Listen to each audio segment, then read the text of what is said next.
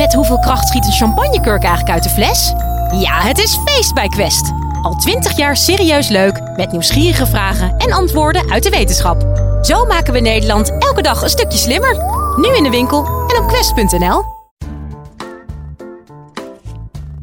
Is een literair boek nu echt beter dan een vrouwenboek?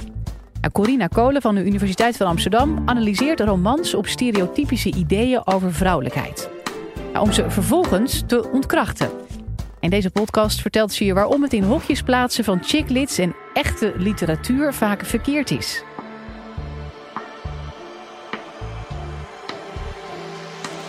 Live vanuit Club Air is dit de Universiteit van Nederland. Nou, ik ga jullie meteen even aan het werk zetten. Uh, ik ga twee citaten voorlezen. En dan mogen jullie mij naar de hand gaan vertellen welke van de twee je nu het meest literair vindt. Ik ga niet verklappen wie de auteurs zijn, want dan zou ik jullie te veel sturen. Maar hier komen ze. Het eerste citaat. Op het internet vond ze een foto van een school guppies. Met uitzinnige baljurken, zo leek het. Lijfjes van mohair en zijde en glas met cheetahprints en goud. Vinnen als boa's, staarten van dun papier, staarten als dure verfkwasten. Geen beeld kon de noties van vis en feestelijkheid beter verbinden, vond Monique. Dat was citaat 1. Laat me even op je inwerken. Dan het tweede citaat. Haar oog blijft rusten op een zwarte leren rok. Ze trekt hem aan. Haar billen bevallen haar niet. Ze begrijpt niet hoe ze deze rok ooit heeft kunnen kopen. Nou, mensen die denken, die vinden dat het eerste citaat het meest literair is. Ik vind dat niet heel gek als literatuurwetenschapper. Het eerste citaat bevat meer beeldspraak, uh, is wat spannender, het zet je wat meer aan het nadenken en dat prikkelt de lezer. En dat is wat, uh, wat meer literair wordt gevonden. Het tweede citaat is wat eenvoudiger, uh, wat minder spannend. Je hoeft er niet zo bij na te denken. En dat zou je kunnen zien als typisch voor een vrouwenboek. Wat wel belangrijk is om je te realiseren, is dat het idee van een vrouwenboek, dat is niet nieuw. En dat is het, het deel wat over het verleden gaat. Uh, het bestaat al zeker meer dan een eeuw, alleen dan een beetje een andere bewoording. Uh, een beroemd auteur als Menno ter Braak zei al in 1934... Ja, om nou het gezin als het, het belangrijkste te zien, het, belangrijkste van, uh, van, van, de, van de problematiek van de mens... Tja, zie daar de mogelijkheden en grenzen van den damesroman, die men vooral niet moet verwarren met de vrouwelijke, het accent in het algemeen in de literatuur. Dus wat Menno de Braak zegt is ja, dat is allemaal leuk die damesromans en waar ze over praten, maar dat is toch echt wat anders dan uh, literatuur. Dat is dan mooi ouderwets, maar het idee van een vrouwenboek, hoe leeft dat nog? Bestaat dat nu nog zo sterk? Nou, denk dat jullie wel een klein beetje een idee hebben, maar wij hebben uh, met mijn project daar onderzoek naar gedaan. In 2013 uh, heeft uh, The Riddle of Literary Quality, zo heet mijn project, het raadsel van de literaire kwaliteit, een groot lezersonderzoek gedaan.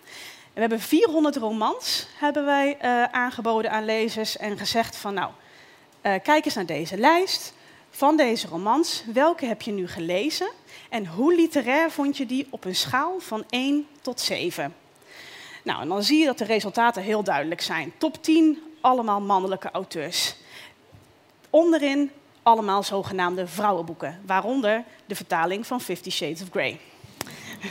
en de rest waren allemaal zogenaamde chicklit-boeken. Maar dan zul je zeggen, oké, maar de term vrouwenboek staat niet op, op de kaft. Hè? Dat is iets, dat leg ik er nu op. Maar de lezers in het onderzoek mochten ook aangeven waarom ze zo'n boek dan niet heel erg literair vonden.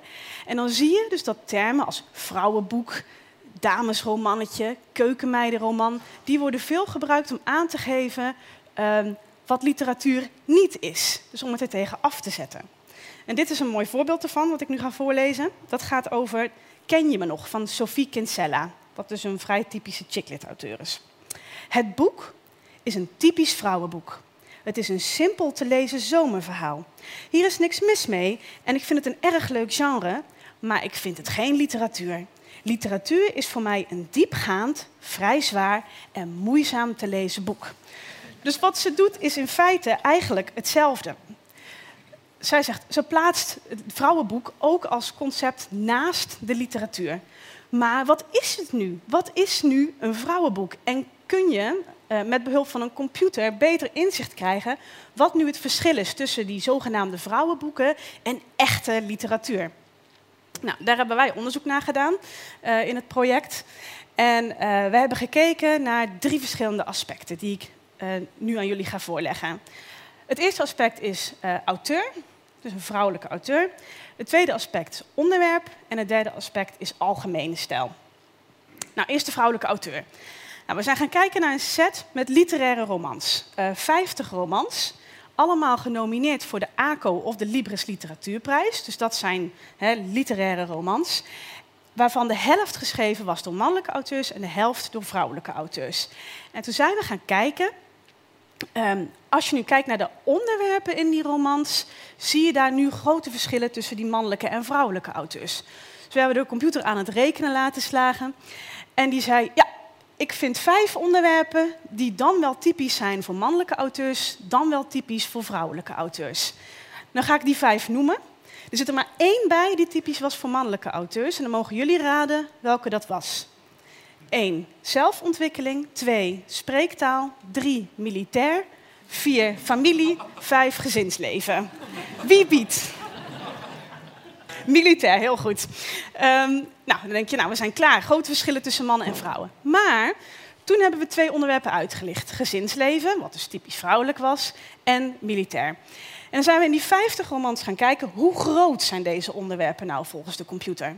En dan zie je dat in 48 van die 50 romans het onderwerp gezinsleven effectief groter is dan het militaire onderwerp. Ook bij de mannelijke auteurs. Dus hoewel militair typischer is voor mannelijke auteurs, blijkt gezinsleven in die meeste boeken gewoon meer voor te komen. Dus het is maar net hoe je naar je data kijkt. Een vrouwelijke auteur is niet wat een vrouwenroman vrouwelijk maakt. Nou, tweede onderwerp. Nou, we hebben het al gehad over gezinsleven en over uh, militair. Maar nu ben ik gaan kijken, wat nou als ik een echt vrouwelijk onderwerp pak? Aandacht voor het uiterlijk. Wat gebeurt er dan? Nou, ben ik gaan kijken, nieuwe set met romans. 32 chicklit en literaire romans. Um, de helft chicklit, de helft uh, literair. En van die literaire romans was dan de helft door mannen geschreven en de helft door vrouwen. Ik heb geteld in grofweg de eerste twee hoofdstukken van die romans um, hoeveel zinnen de beschrijving van uiterlijk bevatten. Het is in de literaire romans dat die beschrijvingen van uiterlijk het meeste voorkomen. Oh, denken jullie nou dat die zinnen ook het meeste voorkomen bij mannelijke auteurs of bij vrouwelijke auteurs? Het zijn de mannelijke auteurs waar dit soort beschrijving het meest voorkomt. En wat gebeurt daar nou precies? Nou, dus ik ben gaan kijken van hè, uh, hoe relateert zich dat tot plot, die beschrijvingen. En wat blijkt nou? Die mannelijke auteurs schrijven vanuit het perspectief van een mannelijke protagonist. En die beschrijft zijn love interest. Hij is verliefd op een vrouw en die is natuurlijk heel mooi. Dus die moet je uitgebreid beschrijven. Daar heb je veel zinnen voor nodig. En dat lijkt een beetje eigenlijk op Chicklit. Alleen, dan heb je een vrouwelijke protagonist en die kijkt naar haar mannelijke love interest, die altijd hele mooie ogen heeft en een klein beetje gespierd is.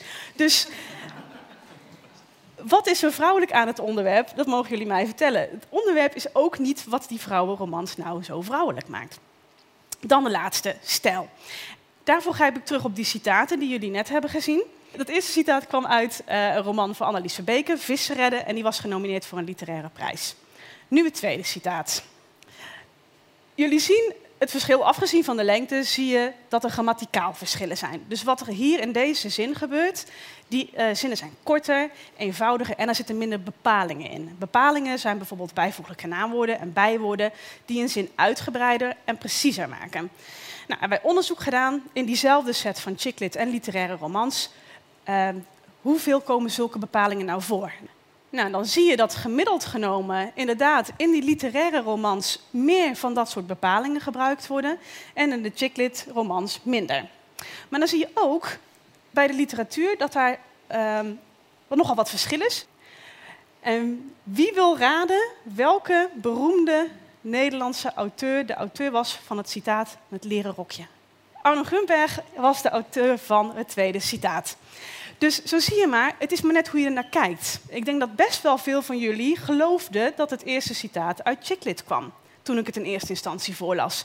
Maar nu je weet dat het Gunberg is, ga je er met hele andere ogen naar kijken. En zo zie je dat stijl ook niet per definitie is wat een vrouwenroman zo vrouwelijk maakt. Of slechter.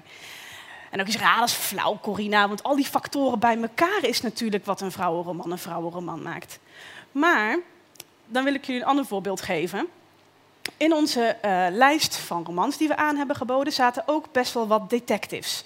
Bijvoorbeeld de boeken van Baantje, Lijk in de kast, Dief in de nacht en Rat in de val. Zijn drie titels daarvan. Ik denk dat jullie wel ook een klein beetje het idee nu krijgen wat ik daarmee wil zeggen. Die stijl is net zo min spannend als die van de vrouwenboeken. Het plot is uh, misschien nog wel meer uh, formuleachtig dan in die chicklits. En, um, maar daar zeggen onze lezers niet van, ja, dat is nou een typisch mannenboek.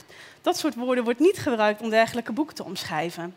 Dus kortom, wat ik eigenlijk laat zien met die computeranalyses is dat vrouwenroman gewoon een gemakkelijk construct is. We gebruiken het omdat we het kennen. En dingen die vrouwelijk zijn, worden nou eenmaal stiekem toch nog steeds als een beetje minder waardevol gezien. Ik denk bijvoorbeeld dat een, een praatprogramma over mode uh, niet zo snel een televisiering gewonnen zou hebben als Voetbal Insight een paar jaar geleden. Um, dus, en ik denk dat de computer daar gewoon echt een heel krachtig middel in is om dit soort dingen onderuit te halen. En om ons een beetje te confronteren met onze eigen vooroordelen. Wil je nou meer afleveringen van de Universiteit van Nederland horen? Check dan de hele playlist en ontdek het antwoord op vele andere vragen.